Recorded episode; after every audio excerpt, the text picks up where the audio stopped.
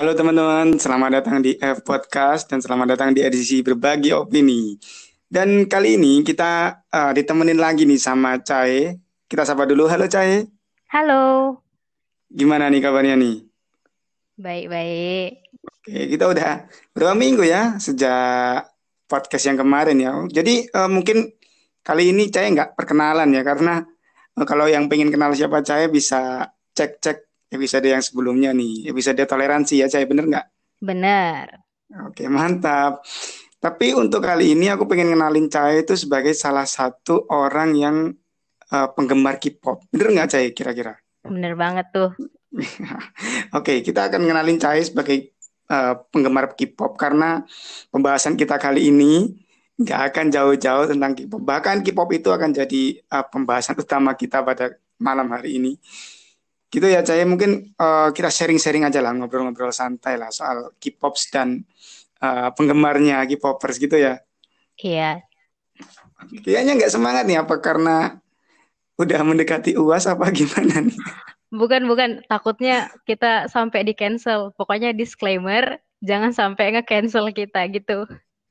Eh, nge-cancel gimana nih? Wah, aku jadi agak takut nih. kan K-popers itu pada ganas-ganas kan ya. Jadi kayak kalau misalnya mereka nggak suka tuh opini nanti cancel cancel gitu. Oh, Tapi nggak okay. apa-apa kok. Oke gitu, jadi ini ngobrol aja ya santai ya teman-teman. Kalau mungkin ada K-popers yang di luar sana yang dengerin atau gimana gitu ya kurang cocok dengan opini kami, tolong dimaafkan ya, tolong dimaafkan. Ini uh, aku sebagai orang awam yang nggak tahu apa-apa nih soalnya nih, takutnya tiba-tiba podcastku kena apa hack kan bahaya juga. Oke, okay, uh, eh, sebelum masuk lebih jauh, kita bakal bahas-bahas dari yang kulit paling luarnya dulu nih. Uh, mungkin pertanyaan paling sederhana nih buat Cai. Cai kenapa suka sama K-pop? Aku tuh suka sama K-pop karena ya gitu mereka tuh ganteng. Itu pastinya semua orang pasti lihat K-pop itu pertama dari visual. Itu gak ada yang ya pastinya visual duluan kan, terus talenta karena mereka tuh kayak Bayangin orang nyanyi sambil nari itu di panggung dalam satu waktu yang sama itu pasti susah banget.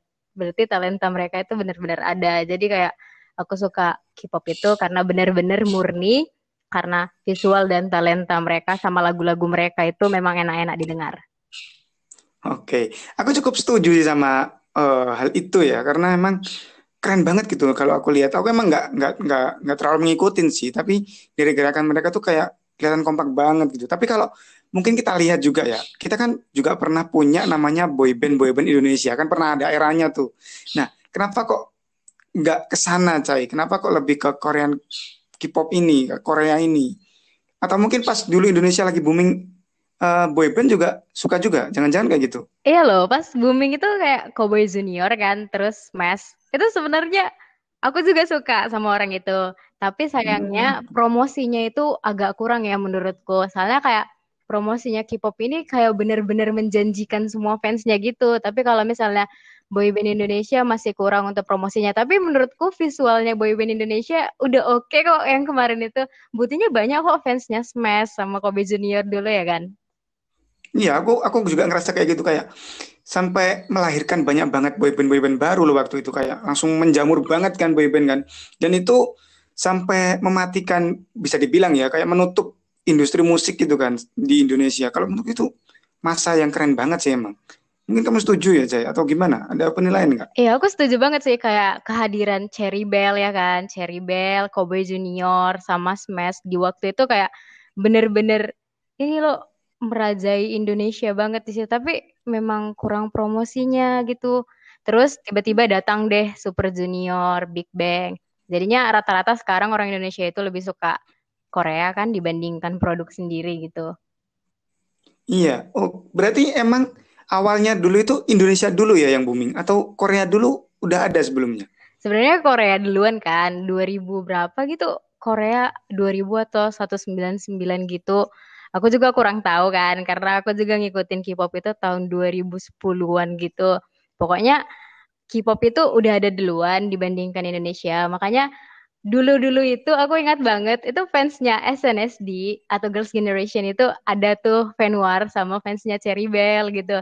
Atau fansnya Smash Oh, ada fan war sama fansnya Super Junior. Pokoknya tuh seru banget sih. Tapi memang dulu bagus sih lagunya lagunya Smash sama Cherry Bell. Kayak kalau misalnya kita dengar satu kali dengar gitu kan langsung pasti ada lirik yang bisa kita tangkap gitu kan. Dan itu semua orang rata-rata tahu kan lagunya. Tapi ya kurang promosi dari entertainmentnya juga. Sayang banget sebenarnya. iya aku setuju banget sih. Dan lagu-lagu Cherry Bell, lagu-lagu Seven Icon waktu itu yang band pertama kan Seven Icon kalau nggak salah ya. Iya. Sama Smash itu juga masih terngiang sampai sekarang sih. Kadang-kadang kalau kangen itu masih aku dengerin Heeh. Cherry Bell gitu. Tapi sayang banget aku aku juga merasa sayang karena masa mereka nggak lama sih kalau aku lihat ya. Kayak berapa tahun aja gitu langsung padam gitu, langsung hilang gitu aja kan. Iya, kurang banget sih menurutku promosinya. Padahal udah bagus di awal. Startnya itu memang benar-benar bagus sih. Apalagi lagu cenat-cenutnya itu Smash. Oke, kita cukup lah ya mungkin membahas uh, bernostalgia tentang uh, boyband Indonesia ya. Untuk apa namanya terminal lah mungkin untuk uh, kita membahas K-pop lagi itu. Tadi uh, saya udah jelas ini kalau uh, suka karena K-pop itu karena tampangnya, karena bakatnya dan lain-lain. Nah, tapi aku masih penasaran nih, kenapa kok ke K-pop gitu? Kan masih banyak gitu yang mungkin artis-artis nih yang cakep-cakep gitu kan, atau artis luar penyanyi luar yang cakep-cakep gitu. Kenapa kok K-pop gitu? Aku tuh pernah dengar kan satu kutipan kayak kalau misalnya kita udah masuk ke K-pop itu kita nggak bakal pernah keluar lagi. Dan itu kayak K-pop itu bener-bener black hole gitu kan sama kita kan. Jadi kayak kita udah ditarik nggak bakal bisa keluar dan keluarnya itu susah. Jadi kayak gitu aku pertama kali kan dengarnya tuh dengar lagu Big Bang yang Fantastic Baby. Dan itu kayak bener-bener dari semua artis dan dari semua lagu itu langsung kayak wah lagu mereka bagus ya. Terus visualnya juga bagus Musik videonya juga tertata rapi. Jadi dari situ kayak aku tertarik gitu loh. Aku tanya sama bangku kan, langsung kayak, "Bang, ini Bang, boybandnya apa?" "Oh, ini boybandnya Korea, gini-gini." Ya udah mulai dari situ mulai searching-searching. Jadi awalnya tuh kayak mulai dari iseng-iseng doang, tapi langsung kecantol gitu. Jadi kayak ada langsung satu tempat di hati gitu. Oh, ini mesti kita ikutin gitu. Jadi sebenarnya nggak ada rencana juga mau nge-stan K-pop. Dan awalnya juga aku itu hatersnya K-pop loh. Awalnya malah benci ya, kurang ah, nggak benci ya, kurang suka mungkin ya sama K-pop Iya, ya. karena kayak dulu kan itu kan lagi marak-maraknya dibilang kalau Korea tuh suka operasi plastik, operasi plastik gitu kan. Hmm, hmm, Jadi hmm. dulu aku juga suka ngejain temen aku kan, yang dulu juga suka K-pop gitu kayak bilang, alah Korea itu operasi plastik. Tapi setelah nengoknya langsung, ternyata oh nggak kayak gitu. Dari jadi dari situ juga langsung suka sama K-popnya dan nggak bisa berpaling sama mau boyband mana kayak mau One Direction lah atau boyband dari Thailand atau apa. Pokoknya langsung kayak udah K-pop K-pop aja gitu. Oke, mantap nih. Eh, kalau kita lihat nih dari kan tadi udah jelasin ya, kalau emang udah masuk ternyata ya susah gitu mau keluar kan. Saya kan bilang gitu ya tadi ya. Nah, dari awalnya kenal K-pop ya. Nah, tapi aku masih bingung nih, masih penasaran banget. Oke lah, mungkin satu dua orang atau beberapa lah terjadi ya. Terlalu udah terlanjur nyemplung, udah nggak bisa keluar. Tapi ini bener-bener kayak pamornya itu mengalahkan banget gitu, mengalahkan eh, mungkin fanbase fanbase dari eh, negara lain kan, kayak eh, Amerika mungkin penyanyi Amerika atau penyanyi Barat gitu ya, kayak penyanyi atau penyanyi Thailand atau gimana itu tetap kalah gitu sama K-pop gitu. Apa apa sih faktor kok eh, sebanyak itu eh, apa ya eh, pamornya sampai sebesar itu itu kenapa gitu? Kok bisa kayak gitu? Bisa mengalahkan kayak Billie Eilish mungkin atau eh, siapa ya artis-artis yang terkenal ya Bruno Mars atau ya gitu-gitulah mungkin. Kenapa kira-kira? Kayaknya ya menurutku karena lagu mereka itu catchy gitu kan. Kayak ini lagunya Oppa Gangnam Style. Pasti semua orang tahu kan yang Oppa Gangnam Style. Itu kayak langsung semua orang itu tahu langsung oh Gangnam Style, Gangnam dari Korea gitu. Ya langsung oh berarti ini Korea, lagu Korea toh. Baru mulai dari situ pastinya kayak mencari-cari lagu yang lain dari lagu Koreanya. Dan itu rata-rata memang lagu Korea itu pasti ada kayak di ref atau ada hitline-hitline yang mudah buat kita hafal gitu. Jadi kayak lagu Big Bang yang Bang Bang Bang kan, pasti orang itu kayak Bang Bang Bang. Atau misalnya lagu yang baru-baru terkenal kan kayak Blackpink yang dududu kan hit you with that dududu itu kan langsung kayak semua orang tahu dan masalahnya juga karena orangnya udah banyak yang nge-stand jadi kayak orang awam pun pasti ikut-ikutan kan ikutan ikut-ikutan tren ikut-ikutan hits jadi yang awalnya memang nggak seterkenal itu jadi bisa terkenal gara-gara dia langsung menjamur dan karena itu memang ya seenak itu didengarnya bisa kita tangkap beberapa line ya walaupun nggak semua lainnya karena kan banyakkan bahasa Korea di situnya. Oke gitu ya. Dan oke oke. Aku cukup setuju sih cukup setuju kalau emang lagu mereka enak-enak dan ada emang kayak satu line yang kita menancap di pikiran. Aku cukup setuju. Emang berarti dari situ ya Cai ya? Uh, pamornya akhirnya nah gitu ya. Oke oke. Aku mungkin baru menyadari sih emang dari situ sih. Aku juga mungkin anu apa namanya uh, cukup familiar gitu sama lagu-lagu kayak Gangnam Style jelas. Nggak nggak nggak nggak apa namanya nggak nggak asing sama sekali udah terus kayak lagu Dynamite itu kayak kayaknya aku pernah denger deh kayaknya ya kayaknya nggak asing gitu aku sama lagu Dynamite itu. BTS ya cuma uh, uh, tapi aku dengernya di mana gitu kadang lupa mungkin dari situ ya orang-orang akhirnya mencari-cari oh ternyata ini BTS gitu dari Korea dan lain-lain mungkin dari situ ya mungkin. benar dan aku mau bilang juga nih, kalau aku tuh juga lagi suka banget sama lagunya Blackpink yang baru tuh, Cai. Nggak tertolong. Nggak baru-baru banget sih ya. Girl. Love Sick. itu suka aku. Emang apa ya, enak gitu lagunya. Kayak uh, nyaman gitu di, di, didengerin. Walaupun aku nggak yeah, tahu artinya sebenarnya. Mungkin dari situ ya. Emang nada-nada yang mereka ambil itu kayak uh, nyaman lah di telinga dan uh, apa ya, ya familiar. gitu benar benar benar. Cukup setuju aku. Terus uh, saya kan tadi udah menjelaskan nih uh, ceritanya awalnya suka K-pop di, uh, gimana kayak dari awalnya tuh apa tadi dinamit atau apa tadi? Fantastic Baby. Oh Fantastic Baby ya dari Fantastic Baby terus kepo-kepo tanya sampai akhirnya suka nih terus gak bisa udah gak bisa keluar gitu kan. Nah terus perkembangannya nih sampai sekarang itu kayak gimana sih? Apakah semakin suka atau gimana gitu? Sejujurnya aku kayak pengen keluar gitu loh dari K-pop. Soalnya kayak udah suntuk gitu. Soalnya makin ke sini itu semua fans itu rasaku makin toxic gitu loh. Kayak nggak nggak kayak fans yang dulu. Fans yang dulu itu lebih kayak toleran gitu, saling membangun satu sama lain. Karena kan dulu itu kayak K-pop itu belum seterkenal ini ya pastinya ya. Pas zaman-zaman 2011, 2012 yang kita masih pakai zaman-zaman Facebook gitu kan. Jadi di situ kayak masih dikit dan itu masih saling kayak satu sama lain itu membantu kan. Misalnya kayak fansnya Girls Generation membantu fansnya Big Bang atau fansnya Big Bang membantu fansnya Super Junior kan. Pokoknya kayak saling membantu. Kalau sekarang itu menurutku lebih kayak saling menjatuhkan satu sama lain. Jarang banget ada yang membantu sih menurutku. Kayak misalnya nanti ada boy group A. Nanti fans-fansnya boy group A ini mau menjatuhkan fans-fansnya boy group B kayak gitu. Jadi saling mentoksikin. Jadi aku agak muak dengan K-popers yang sekarang. Tapi kan belum ya kalau mau bilang langsung keluar pastinya belum bisa. Soalnya masih kecantol banget kan. Tapi perlahan-lahan kayaknya semoga keluar semoga. Malah justru pengen keluar ya dari yang asalnya udah di dalam gitu. Jadi ternyata ada kayak apa ya, akulturasi budaya ya, kayak perubahan budaya dari K-popers yang lama ke K-popers yang baru ternyata. Ada juga kayak gitu ya. Benar, ada. Hmm, aku baru tahu loh, karena aku kira kalau orang ngefans ya ya udah suka aja gitu kan. Aku kiranya juga gitu. Gak sampai yang seperti itulah, sampai ada membentuk budaya kayak gitu kan.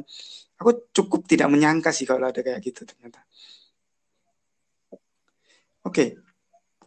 Terus uh, setelah kamu berpikir untuk mau keluar nih. Tapi sekarang sampai sekarang masih aktif nih dalam istilahnya fanbase K-popnya ini. Masih, aku juga lagi megang base juga sih. Masih aktif, masih aktif.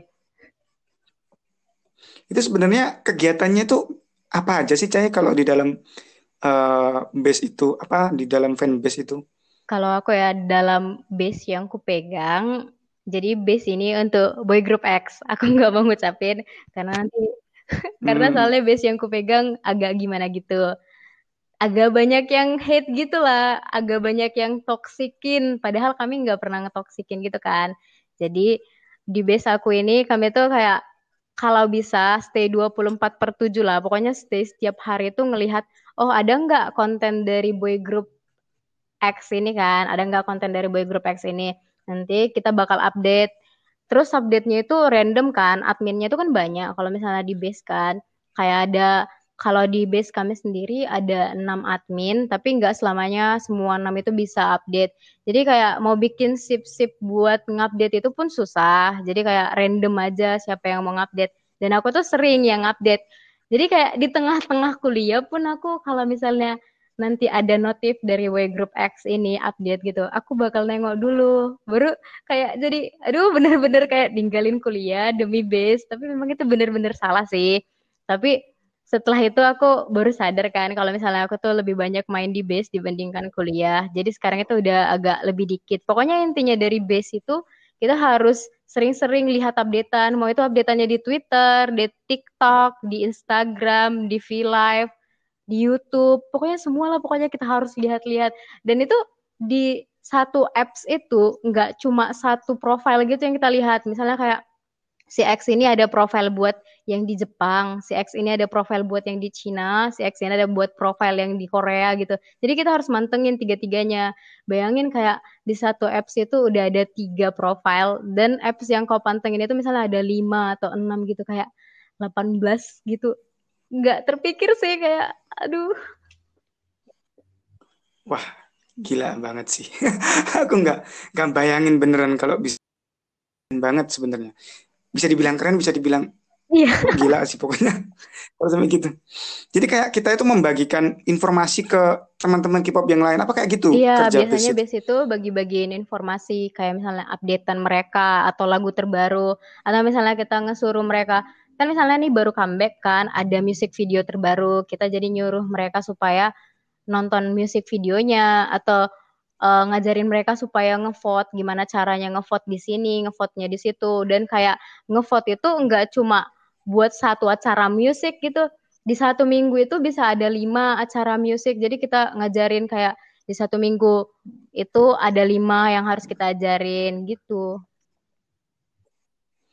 Wah keren banget sedangkan uh, base ini bentuknya kayak apa aja apakah kalau aku setahu aku base itu base itu ya, ya. Twitter ya atau mungkin ada base lain yang uh, iya base Twitter itu ya gitu kalau di Facebook baru base di Twitter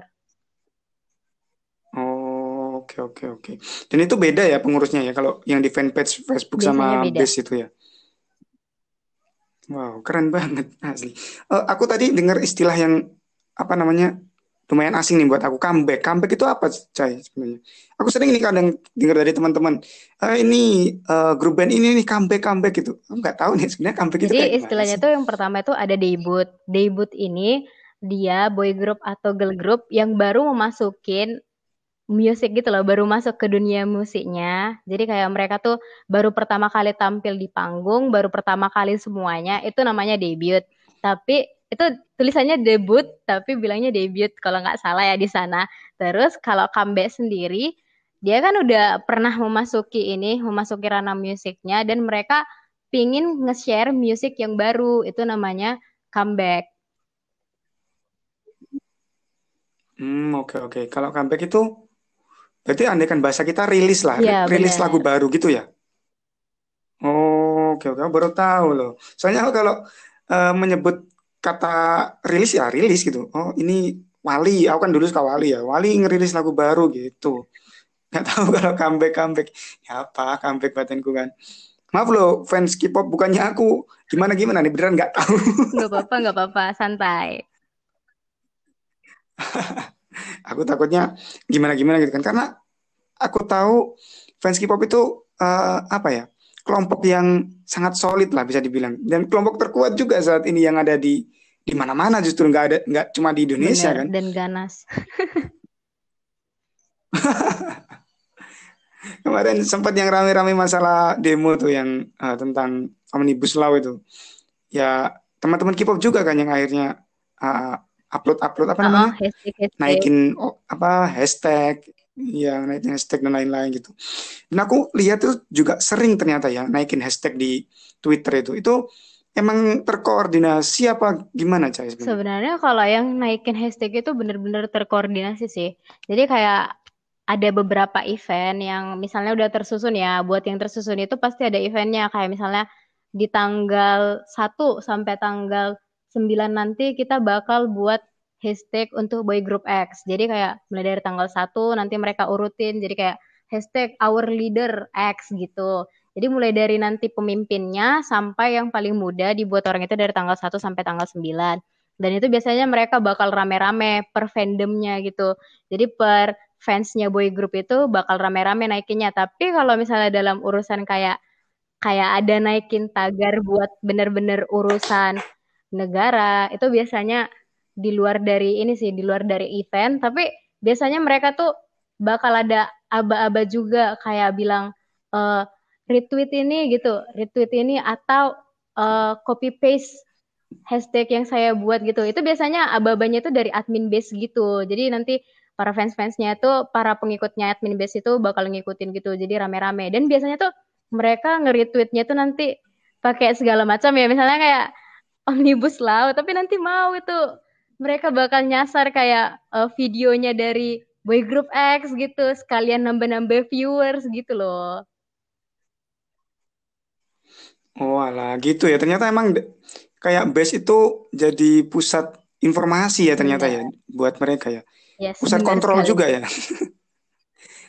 aku aku awalnya ngiranya tuh kayak mereka itu punya grup WhatsApp gitu kan kayak uh, ya perintahnya dari situ itu dari WhatsApp atau dari Telegram gitu mikirku iya, ternyata dari kalau misalnya ya dari ya. grup WhatsApp itu justru lebih agak tanda kutip gitu kalau misalnya udah ada grup-grup WhatsApp jadi menurutku lebih bagus kalau langsung dari base gitu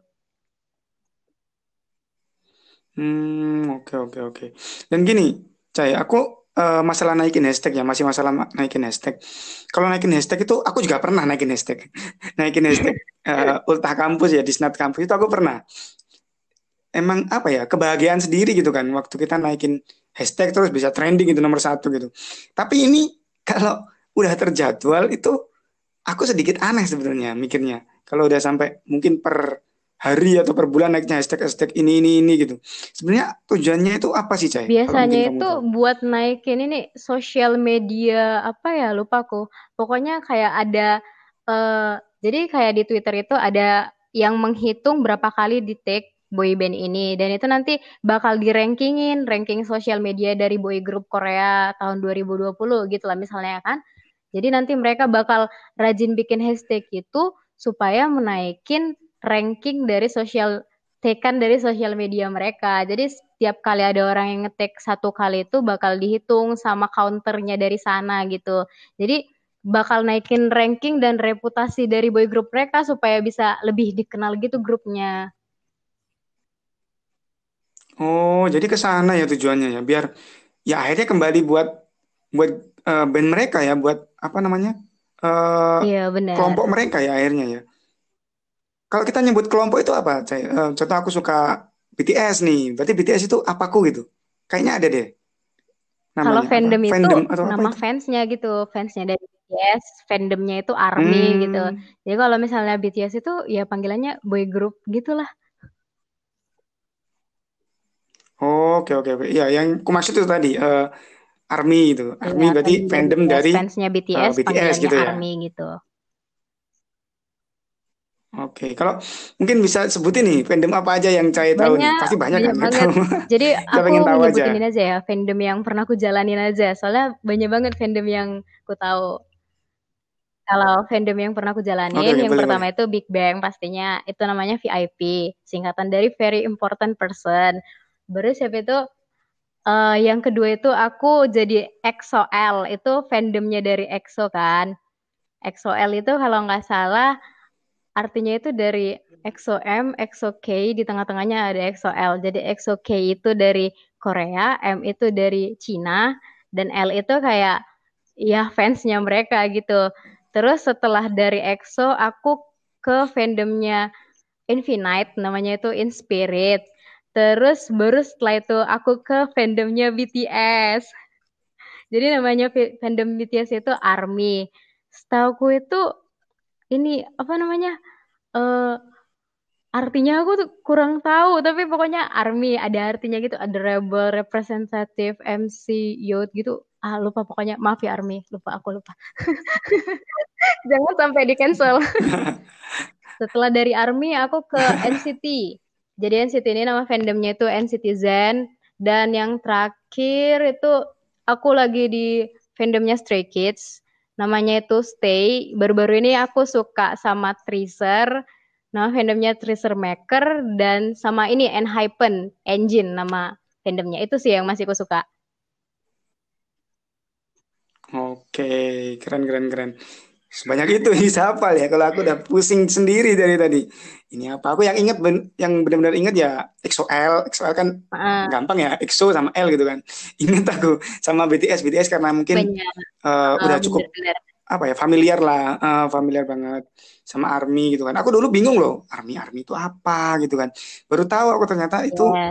fansnya dari BTS gitu kan ya aku nggak nggak nggak nggak jauh-jauh lama banget gitu baru-baru ini juga tahu itu SMA lah mungkin oh, enggak juga baru kuliah mungkin kuliah awal-awal kuliah baru tahu kalau army itu ternyata fansnya BTS gitu gila keren banget asli aku tidak pernah menyangka uh, sekeren itu gitu. Terus uh, kita kan sempat bahas-bahas tadi masalah fandom, fandom namanya ini ini ini gitu kan. Terus comeback, istilah comeback gitu kan. Terus ada gak sih istilah-istilah lain yang kita belum tahu mungkin saya, yang cukup umum lah digunakan untuk uh, fans K-pop ini. Oh tadi kamu bilang cancel ya, cancel, nah, cancel, cancel, cancel itu gimana sih? Yang setahu aku ya. Tapi aku ini bener-bener opini ku sendiri. Setelah aku lihat dari Twitter Twitter itu kayak misalnya ada nanti fansnya K-pop bilang cancel ini, cancel itu, berarti mereka tuh kayak nggak suka sama opininya seseorang atau memang opini yang seseorang ini nggak bener gitu. Jadi mereka itu pingin di take down opininya gitu, baru pingin kayak ada permintaan maaf dari orang gitu. Jadi mereka bilang kayak cancel dong, cancel gitu-gitu. Oh, alah. Tahu-tahu aku. Jadi yang uh, kalau biasanya K-pop K-popers rame-rame nge-report suatu konten itu di cancel iya, berarti. bisa ya? cancel, bisa. Itu cancel itu kayaknya lebih ke yang ini enggak uh, maksudku kayak lebih ke opini sedangkan eh iya sih sama aja. Maksudku kayak cancel itu lebih udah parah-parah banget gitu.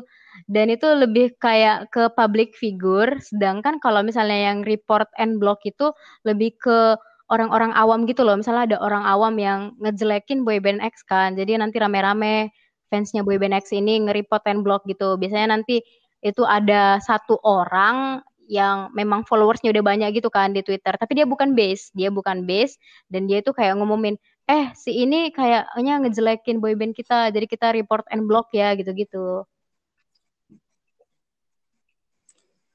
Wow, kekuatan yang sangat luar biasa.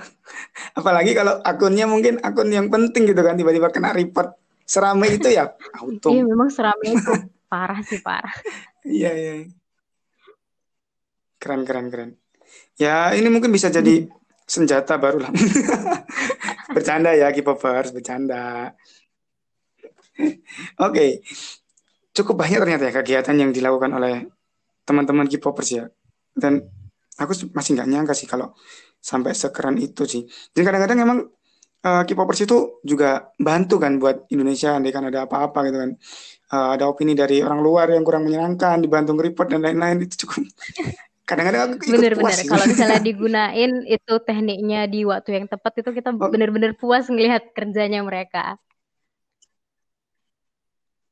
Iya, bener-bener. bener. Aku aku kadang-kadang pernah kan waktu apa ya?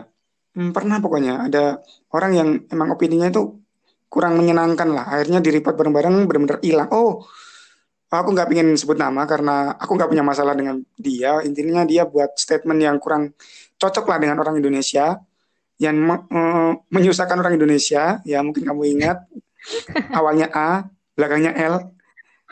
Kalau disebut anjay. itu kan sempat direport kan sama iya, teman-teman K-pop kan kalau nggak salah waktu itu. Dan itu benar-benar benar-benar hilang kan padahal centang biru loh itu keren banget sih hilang hilang beberapa hari kalau nggak salah karena di report itu wah keren banget oke kita kembali nih kegiatan-kegiatan teman-teman K-pop nih menurut saya nih kan uh, udah tahu ya. Aku aku tahu, aku cukup tahu kalau teman-teman K-pop itu kadang-kadang ada yang beli album dan lain-lain harganya dan nggak murah. Dan aku tahu harganya nggak murah, bisa ratusan ribu kan. Tapi ada nggak sih Cai yang saking sukanya sama K-pop sampai jutaan, ratusan juta keluar gitu. Ada nggak sih? Kalau mobil mungkin iyalah ya, Ferrari, mungkin apa namanya, Mercedes-Benz dan lain-lain. Kalau buat K-pop nih, buat album dan lain-lain, ada nggak banget. Jadi gini kan, eh, kalau misalnya kita itu kan ada yang namanya fansign kan. Jadi kayak artis itu nanda tanganin album kita, terus kita datang ke acaranya itu, dan kayak kita tuh bisa kayak tegur sapa sama artisnya gitu ya kan. Pokoknya kayak bisalah kita nge-reach out artisnya itu hanya dalam jarak 5 cm gitu. Dan itu kita itu usahanya itu mesti banyak. Kita tuh mesti beli kayak ratusan album dan harga ratusan album itu kayak udah berapa juta gitu kan. Untuk ratusan album gitu hanya untuk bisa ketemu sama artisnya gitu. Hanya untuk bisa ketemu dan lihat langsung kalau misalnya album kita itu ditandatangani mereka sama kita bisa uh, kayak langsung ngomongan sama mereka. Dan baru-baru ini juga makin banyak sih kayak gitu. Karena kan kita kan sini kan lagi keadaan online kan semua jadi fansayang itu sekarang lagi online dan fansayang online ini syaratnya juga hampir sama dengan fansign-nya yang offline. Jadi mereka tuh harus beli album yang banyak. Kecuali kalau ada event-event kayak dari Shopee gitu kan. Kalau dari Shopee itu lebih kayak keberuntungan kita. Kadang ada yang beli sampai ratusan album tapi nggak kepilih. Dan ada yang beli satu album doang tapi kepilih gitu. Pokoknya kalau dari event-event Shopee gitu benar-benar keberuntungan sih. Tapi kalau misalnya yang dari fans yang langsungnya tuh Iya sih keberuntungan juga tergantung banyaknya album yang kau beli sampai ratusan kah, ribuan kah. Pokoknya kayak bener-bener untuk bisa video call sama artis itu bener-bener effortnya itu harus tinggi banget. Uang yang dikeluarkan juga harus banyak banget. Itu bener-bener epic sih menurutku dari K-popers K-popers ini demi tanda tangan artis dan bisa video call sama dia. Iya keren banget. Wah, aku nggak nyangka banget benar bisa sampai ratusan ribuan album ya. Padahal satu itu berapa, Cai?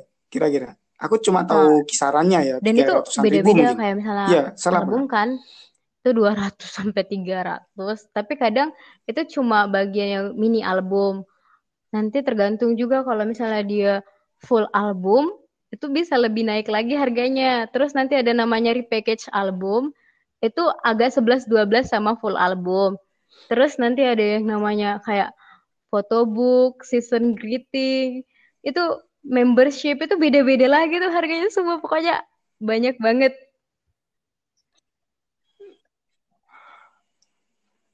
Padahal itu masih syarat ya, belum berangkat ke Koreanya, terus transportasinya dan lain-lain, Ya kalau visanya. kalau misalnya Itu belum offline ya itu ya. belum, tapi karena kita Udah. yang corona-corona sekarang ya dari video call aja gitu sama uh, uh, sama artisnya.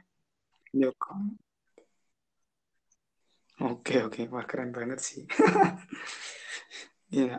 Kalau album itu isinya apa sebenarnya saya? Aku aku tahu album dan lain-lain gitu. Aku dulu ngiranya waktu ada orang eh, temanku yang K-pop itu bawa album ya, kayak fotoin album itu kayak buku gitu. Kukira isinya buku, kukira isinya tulisan gitu. Kalau yang Sebenarnya isinya apa sih? ya, yang Kalau boleh tahu? biasanya atau yang pasarannya, album itu isinya pastinya ada photobook. Photobook ini isinya kayak foto-foto dari photoshootnya artis itu. Jadi kayak beragam-beragam gitu kan.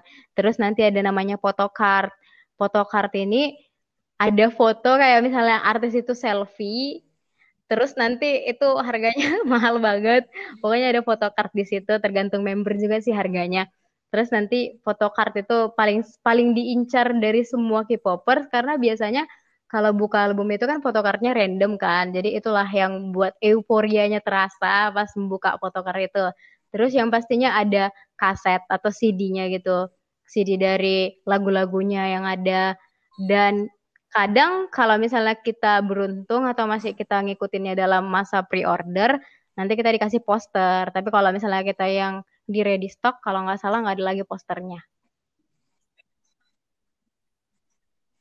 Oh, gitu ya. Jadi isinya foto, DVD sama Yes. kalau beruntung dapat poster tadi ya.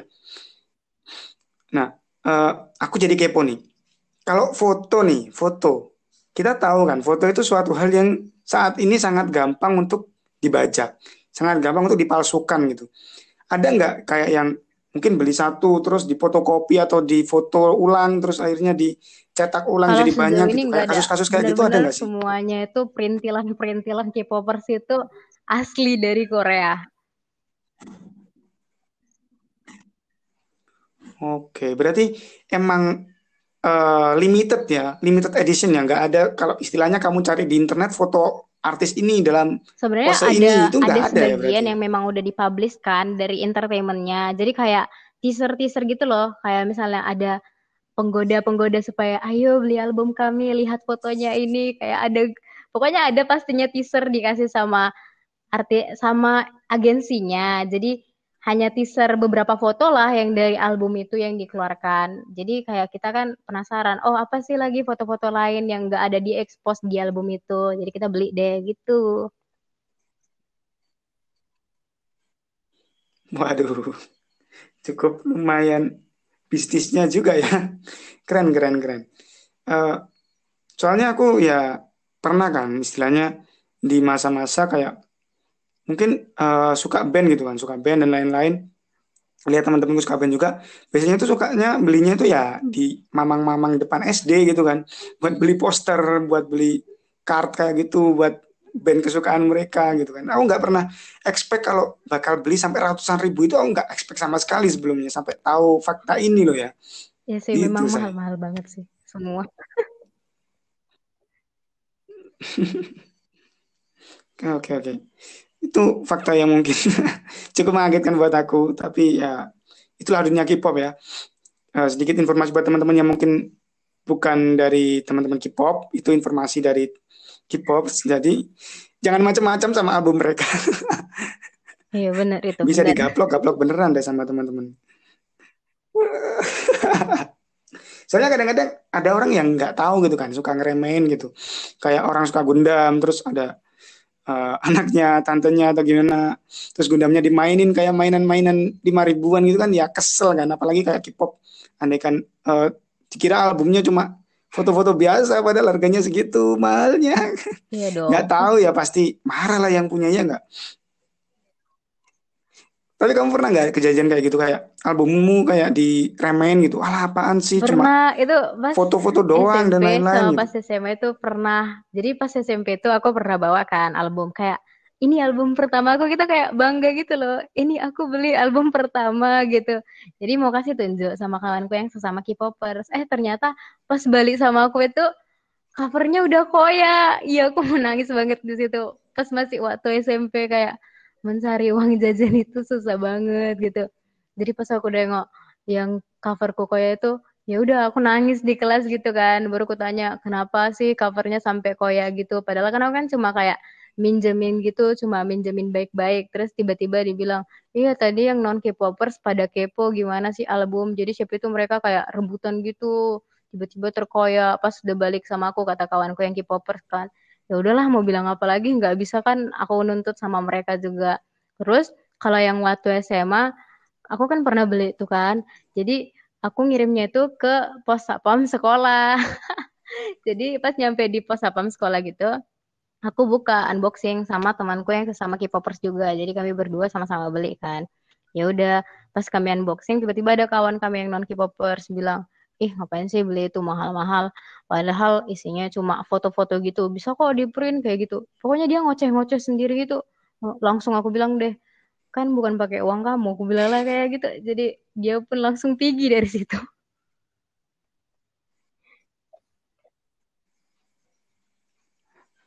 Oke oke. Eh,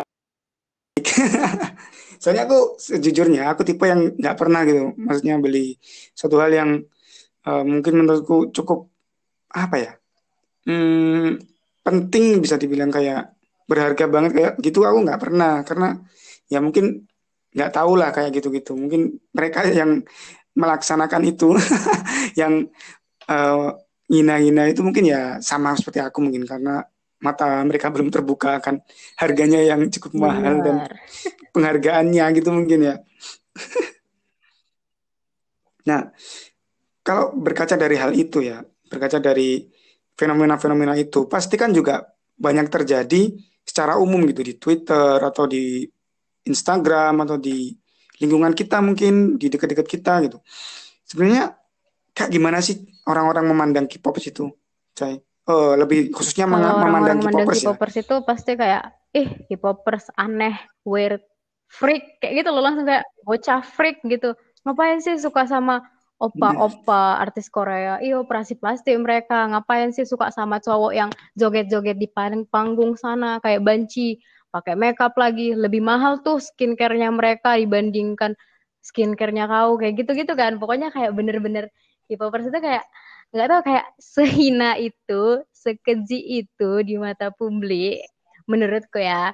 Apalagi buat orang-orang yang nggak tahu sama sekali K-popers. Jadi kayak aku nemuin satu filter di Instagram. Aku nggak tahu ini filter siapa. Pokoknya tadi lewat di FYP TikTokku. Jadi di filter ini dia kayak bilang kayak gini. Uh, binatang ter binatang teraneh atau binatang terkeji gitu kan pokoknya intinya antara itu dua pokoknya jawabannya itu K-popers dibilang binatang yang gak punya hati atau apa gitu pokoknya intinya K-popers itu dibilang binatang sama mereka padahal kan jelas-jelas K-popers itu manusia ya pokoknya aku nggak suka juga orang-orang itu pada ngegeneralisasikan semua K-popers itu jahat semua K-popers itu pada suka. Sukanya cuma war-war doang, nggak pernah nggak pernah suka sama budaya sendiri, nggak suka sama Indonesia. Itu biasanya yang paling dikeluarkan kartnya itu kalian nggak suka sama Indonesia, kalian jarang ibadah, kalian cuma muja-muja itu poster-poster kalian itu cium semua poster kalian itu. Pasti tuh orang-orang sering bilang kayak gitu dan paling sering itu pasti bilang sampah plastik didaur ulang dasar kok suka sama plastik. Itu semua menurutku pandangan orang sama K-popers. Waduh, cukup keras juga ya. Aku emang sedikit mengikuti sih kayak keramaian keramaian-keramaian yang berhubungan dengan K-popers gitu kan. Karena menurutku seru gitu. Apalagi kalau lihat teman-teman yang K-popers itu balesin mereka itu kayak kamean gitu kan. Pasti nge-up-nya lebih cepet gitu. Dan aku nggak nggak tahu gitu kenapa orang itu uh, merendahkan satu dengan yang lainnya gitu kan. Padahal ya nggak ada salah kan mereka kalau mereka suka suka sesuatu hal ya ya udah gitu kan. Nggak nggak mengganggu kita juga gitu kan. Oke, aku cukup setuju sih sama Cai. Dan uh, gini Cai, kamu kan udah tahu nih banyak orang yang nggak suka dan kita nggak bisa mengatur mereka kan, kita nggak bisa woi uh, jangan gitu, gak, jangan nggak suka sama kita dan lain-lain. Kita nggak bisa kan. Itu kan opini mereka. Terus cara kamu menanggapi mereka itu kayak gimana? Andai kan ada di depanmu tiba-tiba yang kayak tadi tuh, ngapain sih suka K-popers, dasar plastik dan lain-lain. Terus tanggapan kamu gimana? Sebagai orang yang mungkin sudah dewasa ya, sekarang aku nganggap udah sama-sama dewasa, ya, kita udah sama-sama ngerti gitu kan. Kayak ya udah, kan dia ngomong, nanti dia itu bakal capek sendiri. Nanti kalau misalnya nggak ada yang nanggapin dia, pasti dia diam sendiri kayak gitu ya biar aja dia berkoar-koar di sana sampai capek gitu sampai berbuih mulutnya nggak ada yang nanggepin dianggap orang gila juga kok nanti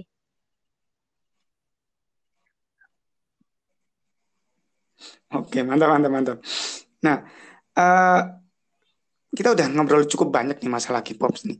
Tapi aku yakin selama menjadi seorang K-popers ya, seorang yang suka K-pop ya, pasti ada keresahan-keresahan kan. Apalagi oh, udah dipancing dikit-dikit nih sama Cai nih tadi di awal-awal yang iklimnya udah berubah, budayanya udah berubah gitu. Aku pengen cari cerita nih, keresahannya selama ada di dalam lingkungan K-popers itu kayak gimana? Untuk teman-teman K-popers ini berbagi opini aja ya, bukan berarti menjelekan atau gimana. Cuma opini dari Cahaya pribadi nih, sebagai uh, seorang K-popers yang udah legend ya bisa dibilang 2010 loh sampai sekarang Jadi, 10 tahun. ini baru kurasakan itu apa tahun lalu ya. sampai sekarang? Jadi kan sebagai seorang K-popers itu wajar kalau misalnya ada yang jadi seorang author di Wattpad gitu kan.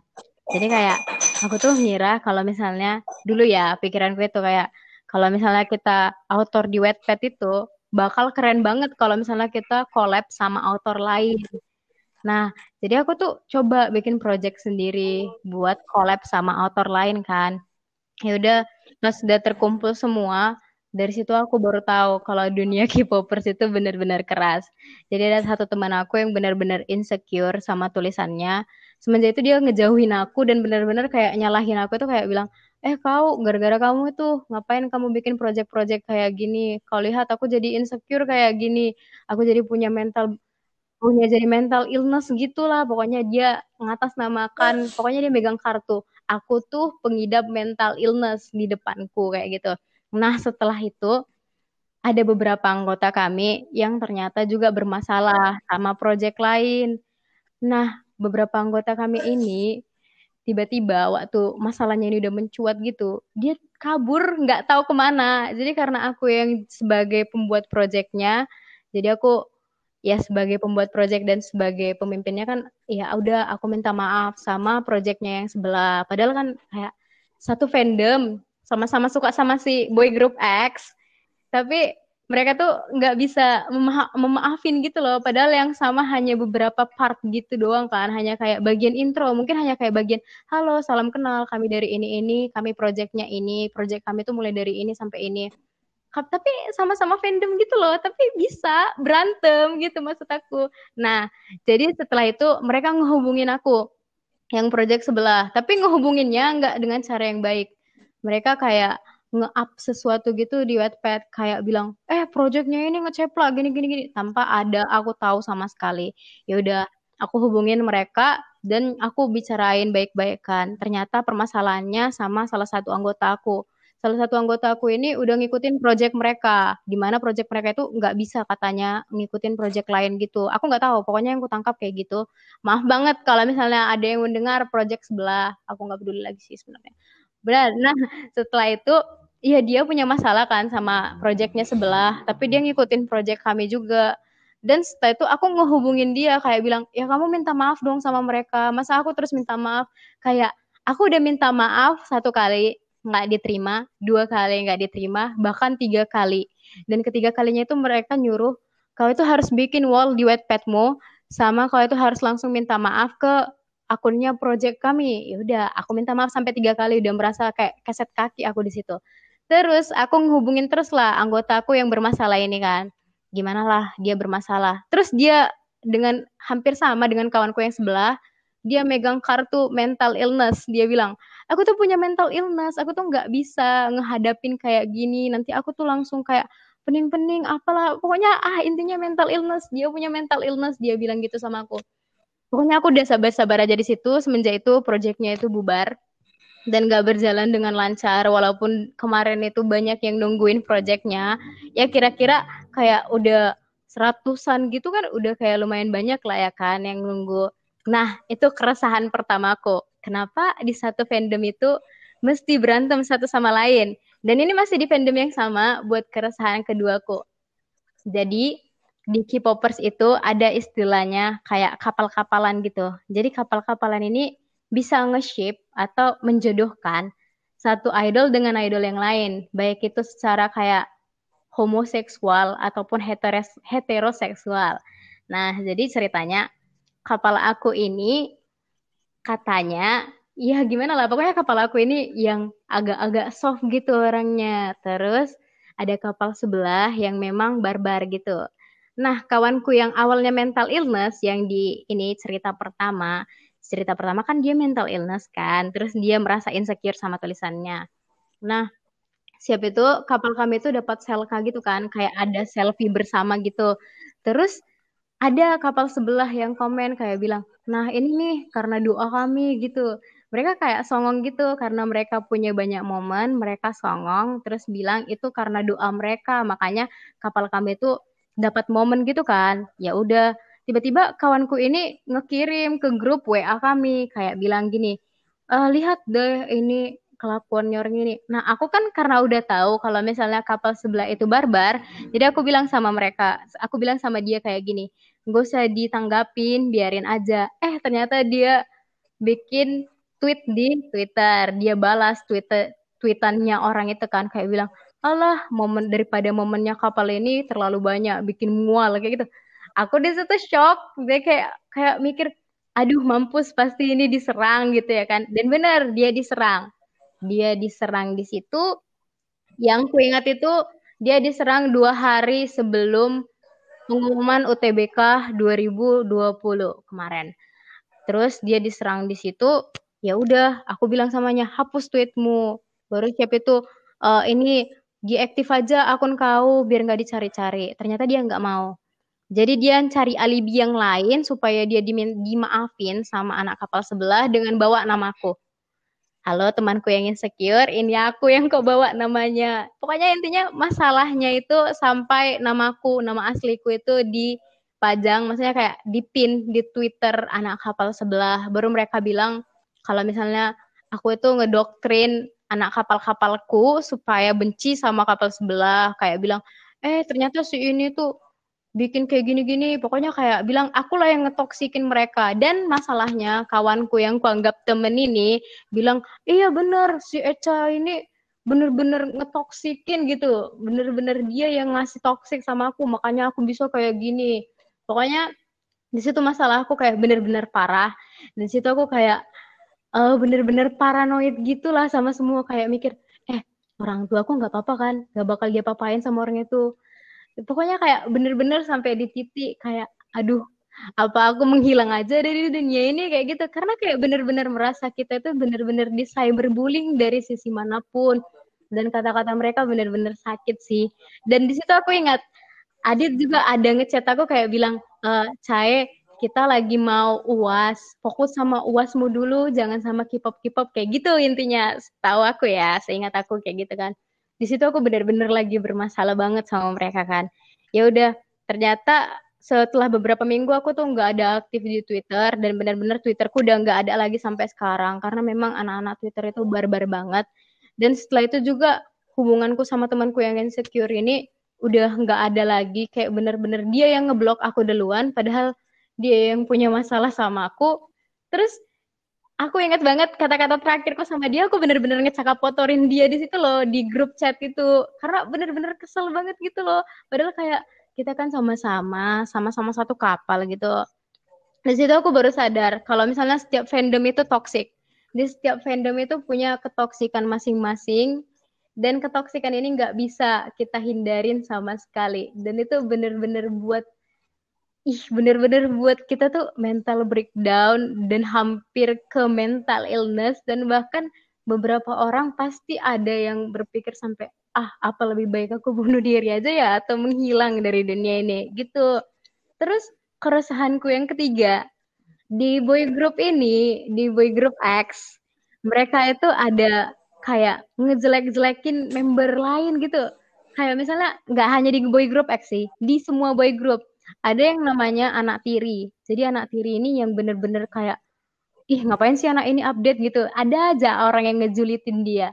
Jadi di boy group ini kayak ada yang bilang, si X ini pelakor, pelakor gitu. Sampai kayak semua orang tahu loh dia itu pelakor. Pernah juga itu trending, bukan trending sih, kayak search barnya anak ini kotor gara-gara dibikin si X ini pelakor gitu pokoknya sering banget ngejek-ngejekin kayak bilang eh ngapain sih si X ini tuh nggak bagus nyanyi nggak bagus nari. Tahu kayak gitu kian kemarin dieliminasi kian dia. Atau misalnya kayak bilang nggak usah kian dia debut di grup ini. Dia tanpa grup ini pasti grup ini lebih bagus gitu. Padahal hanya karena masalah kapal-kapalan atau masalah kayak ship-shipan atau masalah perjodoh-jodohan. Bisa salah satu member itu nanti difitnah-fitnahin hanya karena masalah perjodohan aku tuh langsung bingung di situ karena memang jujur aja masalah perjodohan-perjodohan kayak gini tuh aku baru baru baru banget. Dan itu kayak baru dua tahun yang lalu aku mulai masalah bukan mulai masalah dua tahun yang lalu aku baru ke inti dari perjodohan-perjodohan seperti ini itu ada. Karena sebelum-sebelumnya itu aku lebih suka kayak membayangkan aku sama idolaku atau misalnya idolaku sama cewek ini gitu kan. Tapi kalau misalnya yang ship-shipan sekarang itu bener-bener parah dan kenapa kalian itu mesti menjatuhkan salah satu member hanya untuk menaikkan member lain atau kenapa kalian itu mesti menyisih-nyisihkan member satu hanya untuk kepuasan diri kalian sendiri gitu loh. Bukan berarti aku suka kalau misalnya satu member itu dibulat-bulatin. Maksudnya kayak satu member ini harus dicintai sama semua member lain. Enggak. Seharusnya kita itu ngasih cinta kita sama satu boy group itu harus sama kayak kepada setiap member itu harus sama gitu. Walaupun aku nggak ngakuin kalau misalnya diri aku itu kayak misalkan aku kan suka Tracer tapi kalau misalnya aku cuma suka sama Jihun doang ya kali aku bisa dipanggil Tracer Maker. Padahal kayak aku tuh cuma suka sama Jihun, aku cuma ngikutin Jihun, aku nggak ngikutin member yang lain, tapi cuma momen-momen Jihun doang gitu. Itu nggak bisa dibilang kalau kalian itu treasure maker gitu. Pokoknya kalau misalnya kita hanya cinta sama satu atau dua member, lebih baik kita bilang, iya aku suka sama ini doang gitu. Nggak usah pakai embel-embel kalau misalnya kalian itu fandomnya ini, fandomnya ini gitu. Kalau misalnya kita hanya suka sama satu dua member, mending gak usah dibilang dia fandom itu sih soalnya jatuhnya lebih kayak ngetoksikin member lain dan membanggakan member yang kau suka gitu itu bener-bener gak my style banget gitu bener-bener kayak toxic dan dunia K-popers itu sampai sejauh ini memang toxic setoxic toksiknya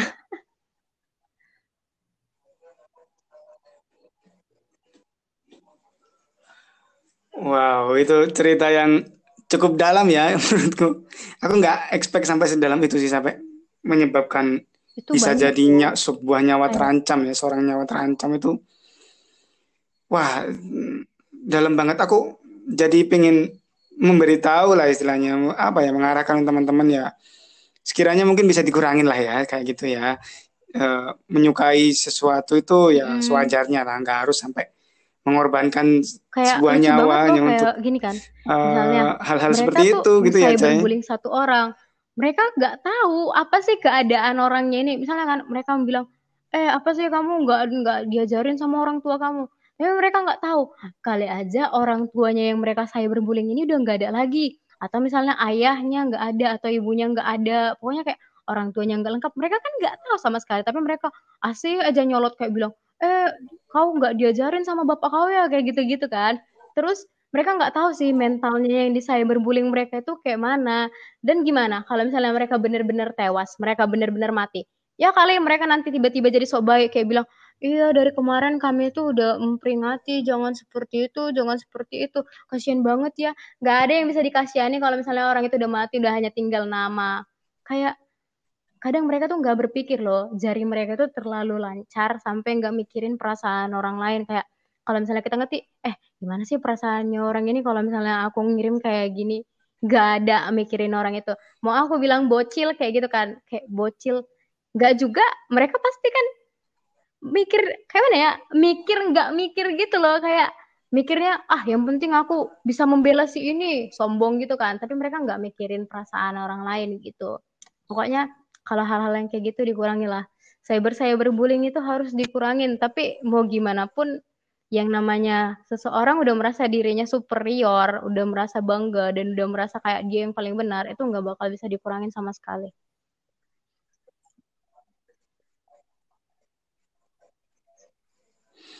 Oke, mungkin eh, itu keresahan ya dari Cai ya. Keresahan dari Cai dan itu tadi udah sempat ada pesan-pesan nih. Tapi aku pengen mem- memberikan tempat khusus nih. Sekarang ini buat buat Cai itu memberikan apa ya pesan mungkin atau suatu hal yang seharusnya dikurangin atau dihapuskan lah dari eh, K-pop K-pop ini, dari K-popers ini. Mungkin apa pesan dan suatu hal yang harus dibenahi menurut Cai. Aku kasih tempat Eh, khusus yang nih. pertama itu Mungkin udah sempat dibahas beberapa kali pasti ya udah tahu berita sebelumnya yang ini. baru, berita Silakan. tentang kapal-kapalan ini. Jadi agensi itu ada yang memas yang kayak maksa artis-artisnya supaya skinship skinship gitu karena momen-momen skinship mereka bakal disorot sama fans-fans dan itu bakal naikin pamor. Tolong kita kurang-kurangin buat ngekapal-kapalin atau ngepetak-petakin artis dengan artis yang lain. Soalnya dalam satu boy group itu kita harus mencintai semuanya secara rata, bukan dipetak-petakin atau dibulat-bulatin. Pokoknya harus semuanya itu dicintai secara rata. Yang kedua, jangan menganaktirikan salah satu member karena kalian nggak tahu apa perasaannya. Karena kalian nggak tahu apa yang dia hadapin dan sekuat apa dia sampai dia bisa jadi artis sekarang. Yang ketiga, Tolong jangan cyberbullying karena cyberbullying itu nggak hanya berdampak sama orang yang kau cyberbullyingin, tapi dengan orang-orang yang di sekitarnya juga. Gimana lah perasaan kalian kalau misalnya salah satu anggota keluarga kalian mengalami sakit lah, jangan sampai meninggal, mengalami sakit hanya gara-gara mereka dapat cyberbullying. Kita nggak tahu loh, karma itu eksis dan karma itu ada. Kalian nggak tahu kapan apa yang kalian perbuat itu bakal berbalik lagi sama kalian karena apa yang kau tabur itu yang akan kau tuai. Terus yang keempat, tolong kita itu saling ramah fandom satu sama lain. Jangan jadikan fandommu itu harus lebih besar dibandingkan fandom yang lain dengan menjatuhkan satu sama lain. Pokoknya kayak kita tuh kan sama-sama K-popers, kita sama-sama mencintai genre musik K-pop. Maka dari itu kita sama-sama kayak ya mentenarkannya. Intinya itu kalau jadi K-popers itu jangan sampai kita dicap sama orang lain. Kalau misalnya itu kita benar-benar freak atau tuh kita benar-benar ngejahatin orang lain. Karena ada satu kulip ada satu kalimat yang benar-benar ngenusuk kali. Kalau misalnya non K-popers aja takut sama K-popers itu wajar. Karena K-popers sendiri takut sama K-popers yang lain.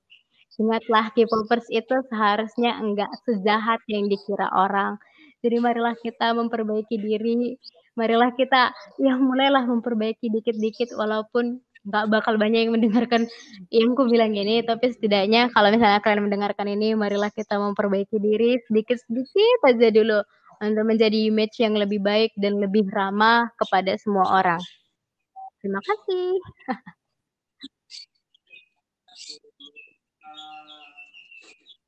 Oke, makasih untuk pesan-pesannya, Cai. Mungkin ditambahin dikit lah, ditambahin pesan dikit khusus buat teman-teman yang mungkin belum kenal K-pop, mungkin uh, teman-teman Twitter atau gimana-gimana yang mungkin saat ini masih membenci uh, K-pop atau tidak suka sama K-pop atau orang-orang lain lah di luar K-pop. Ada pesan atau enggak? K-popers itu punya usaha, punya effort tersendiri.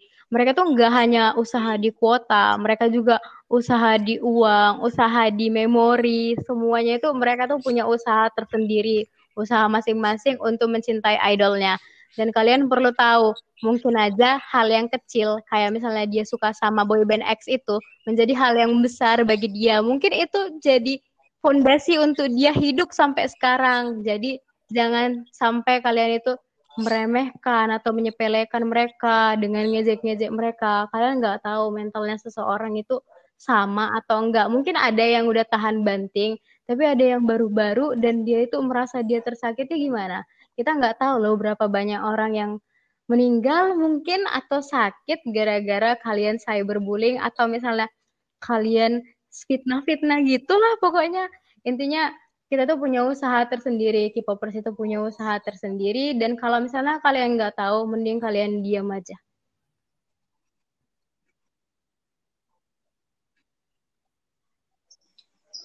Oke, mantap. Terima kasih Cai buat pesan-pesannya dan aku pengen nyimpulin nih buat teman-teman.